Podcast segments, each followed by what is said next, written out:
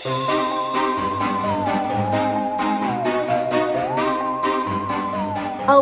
Mura Artinya, terbukalah Dari buku, bertebarlah ide dan inspirasi Suka baca buku?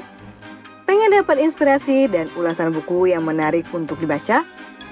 Semut-semut klub baca akan menemanimu bertualang di dunia literasi penikmat buku dan bacaan edisi Oktober 365 hari Suara Semut. Selamat mendengarkan!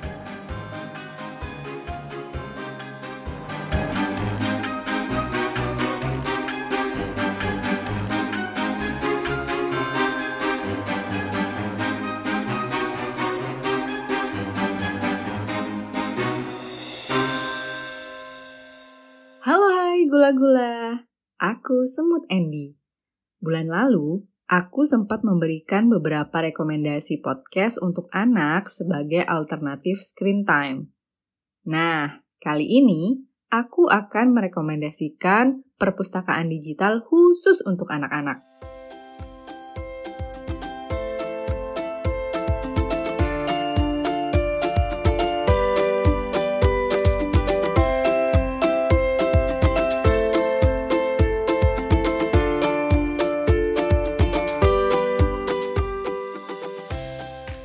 Ada dua platform yang akan aku bahas kali ini, yaitu Let's Read dan Pibo. Kedua platform ini menyediakan ratusan buku digital untuk anak. Semua bukunya sudah terkurasi, jadi cocok dan aman untuk para pembaca cilik. Yuk, kita bahas satu-satu.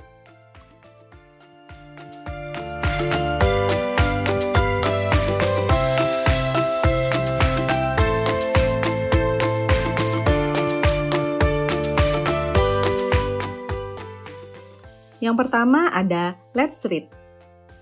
Kamu bisa masuk platform ini melalui web di www.letsreadasia.org atau melalui aplikasi Let's Read Digital Library yang sudah tersedia untuk Android maupun iOS. Akses semua koleksi bukunya for free alias gratis. Tis. Cukup dengan membuat akun menggunakan email.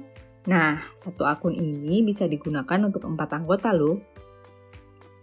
Let's Read merupakan platform yang dikelola oleh The Asian Foundation. Koleksi bukunya berasal dari kerjasama dengan organisasi, komunitas, instansi pemerintah, penulis, ilustrasi, dan penerjemah independen, serta pihak-pihak yang peduli dengan literasi dan perkembangan anak, khususnya di Asia. Oleh karena itu, platform ini menyediakan banyak pilihan bahasa. Satu buku tersedia dalam beberapa bahasa, bahkan ada juga bahasa daerah di Indonesia, seperti Jawa, Sunda, Bali, Batak, dan Minangkabau. Let's Read juga mendukung inklusivitas. Jadi di sini tersedia audiobook. Kita bisa pilih membaca atau mendengar bacaan. Bisa juga sih membaca sambil mendengar. Cocok untuk anak-anak yang baru belajar membaca. Di sini juga tersedia tools untuk menyortir buku berdasarkan tema atau kategori, seperti binatang, alam, sains, petualangan, kesehatan, dan lain-lain. Bisa juga kita sortir berdasarkan bahasa, negara asal buku, atau jenjang membaca. Oh ya, kalau sudah punya akun, kita bisa melihat daftar baca loh, berisi buku-buku yang sudah kita baca, buku favorit, dan buku yang diunduh. Nah, ini salah satu kelebihan Let's Read. Iya, kita bisa mengunduh koleksi bukunya. Jadi, pas lagi nggak ada internet, kita masih bisa membaca buku. Selain itu, ada menu target membaca jadi kita bisa tahu sudah baca berapa buku hari itu. ya, cukup bisa memotivasi untuk membaca lebih banyak.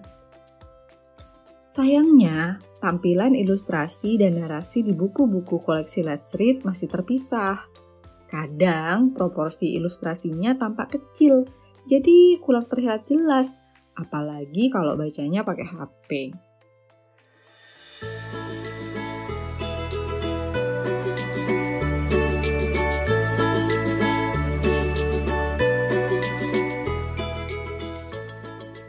Oke, selanjutnya aku mau bahas platform kedua, Pibo.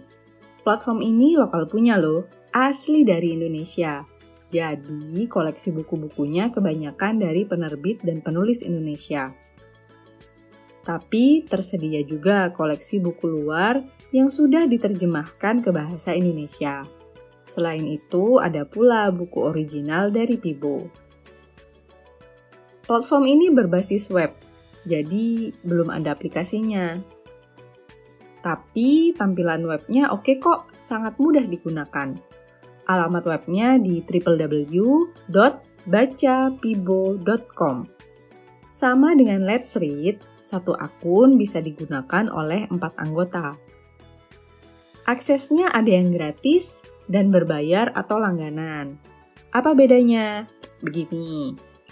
Kalau yang gratis, kita hanya bisa membaca beberapa judul buku pilihan. Kalau yang berbayar, itu kita bisa akses semua koleksi bukunya. Terus punya kesempatan untuk ikut tantangan membaca dan akun ortu bisa memantau bacaan anak. Biaya langganannya sebesar 80.000 per bulan. Bisa pilih langganannya mau per bulan, 3 bulan, atau 6 bulan. Nah, kalau yang 3 atau 6 bulan sih ada diskon pastinya. Tapi walaupun begitu, ada satu keunggulan Pibo yang aku suka. Apa pun pilihanmu, mau pakai gratisan atau langganan, semua bisa mengakses lembar bermain. Iya, jadi nggak cuma baca buku.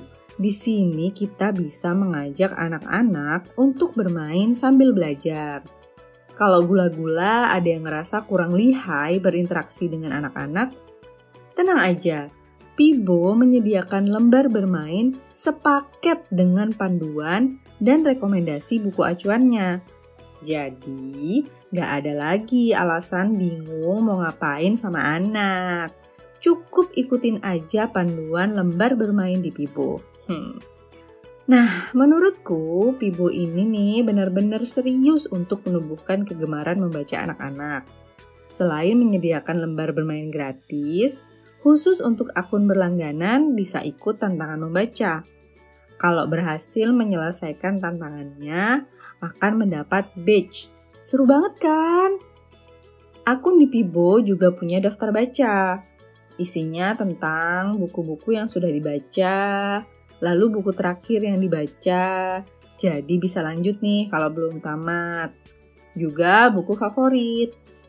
Nah, khusus untuk orang tua bisa pilih buku untuk anak juga ya. Semacam ngasih rekomendasi gitu deh. Untuk menu sortir, ini berdasarkan tema. Jadi ada koleksi buku, seperti playlist di Spotify itu. Misalnya nih, buku baru, buku populer, buku dari Pibo, buku dongeng, cerita misteri, dan banyak lagi yang lainnya. Tampilan buku-buku di Pibo sudah seperti buku cetak. Bahkan ada efek seperti membuka lembar buku gitu loh. Asik banget deh pokoknya. Tapi untuk baca buku di Pibo ini harus selalu online tidak bisa diunduh. Jadi saat gak ada internet ya nggak bisa baca deh.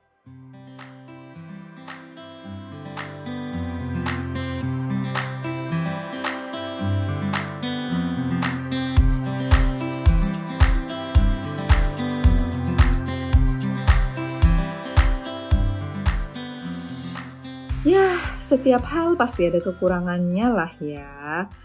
Tapi, menurutku, kedua platform ini punya lebih banyak kelebihan dan manfaat. Pertama, koleksi bukunya khusus untuk anak, jadi tidak tercampur dengan buku dewasa seperti perpustakaan digital lainnya. Lalu, setiap bukunya sudah diberi keterangan tingkat atau jenjang membaca, sehingga bisa digunakan untuk sarana latihan membaca karena orang tua dapat membeli buku yang sesuai dengan kemampuan membaca anak. Tapi ini bukan jadi batasan ya. Anak-anak tetap bebas untuk memilih buku yang ingin dibaca. Kalaupun belum lancar membaca, ya orang tuanya bisa dong bacain sambil ngobrol tentang isi ceritanya, gimana gambarnya, dan hal-hal lain yang berhubungan atau bahkan tidak berhubungan dengan buku. Nah, jadi kesempatan kan untuk bonding sama anak deh. Kedua, mudah mencari buku yang diinginkan karena ada menu pencarian dan bisa disortir berdasarkan tema dan jenjang baca tadi. Ketiga, hemat. Hmm, buku anak terutama yang bergambar, aduh harganya mahal. Contohnya nih ya, dengan uang 80.000 paling banyak bisa dapat 3 sampai 4 buku. Tapi kalau langganan satu bulan di Pibo bisa baca ratusan buku. Eh, ini bukan promo ya. kalau di Let's Read malah nggak perlu bayar, modal kuota aja. Keempat, bisa belajar bahasa lain. Kalau di Let's Read ada beberapa buku yang sudah diterjemahkan ke berbagai bahasa. Jadi, satu judul buku bisa kita baca dalam berbagai versi bahasa. Tinggal pilih mau bahasa apa. Kelima, bisa jadi teman perjalanan. Jadi misalnya kalau kita ke mana-mana gitu, nggak perlu berat-berat bawa banyak buku. Cukup bawa satu gawai aja untuk akses kedua platform ini. Terakhir, alternatif screen time agar anak tidak hanya menonton video atau bermain game. Ya gimana ya, di era digital ini mau nggak mau anak-anak pasti terpapar dengan hiburan digital. Nah, perpustakaan digital ini bisa jadi jalan untuk mengenalkan dan membiasakan anak berselancar di dunia digital dengan cara yang sehat dan aman. Oh, canggih kan? Nah, tunggu apa lagi gula-gula? Cus, langsung masuk ke web dan bikin akunnya agar anak-anak kita semakin gemar membaca. Hmm, gula-gula belum punya anak. Tetap dong bisa bikin akun untuk dibaca sendiri atau untuk berbagi dengan adik, ponakan, murid, tetangga, dan anak-anak lain di sekitarmu. Yuk, semangat membaca!